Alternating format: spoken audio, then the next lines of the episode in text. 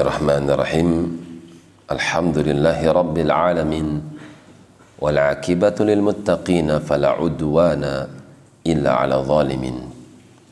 أشهد أن لا إله إلا الله وحده لا شريك له وأشهد أن محمدا عبده ورسوله. وبعد masih di dalam surah Ar-Rum sampai pada firman Allah fa'aqim wajhaka lid-dinil qayyim.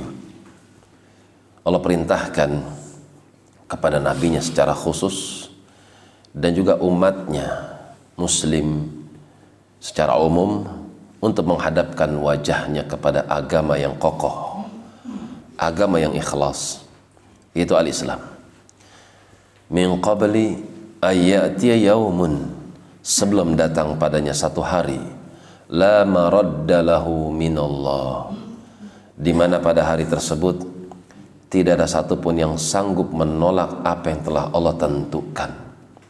Hari kiamat kerusakannya merata di mana tidak lagi satu pun yang tersisa dari makhluk yang berjalan di atas muka bumi kecuali semua binasa. Yauma idzin yasaddaun pada hari itu yasaddaun manusia berpencar-pencar terpisah-pisah. Ada yang terpisah menjadi ashabul yamin ada juga yang menjadi ashabul mash'amah ashabul shimal. Wa man kafara karena itu siapa yang kufur? Fa'alaihi kufruhu. Maka kekufuran itu kembali kepada pelakunya. Wa man amila salihan dan siapa yang beramal dengan amal yang salih fali anfusihim maka amal soleh itu kembali kepada diri-diri mereka yamhadun di mana mereka akan memperoleh apa yang telah mereka kerjakan.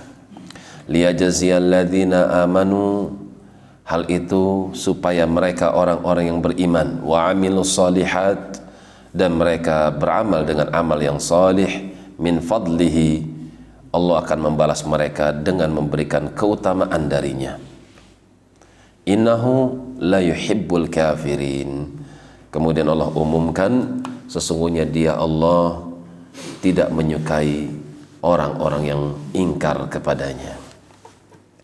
Demikian wallahu a'lam bissawab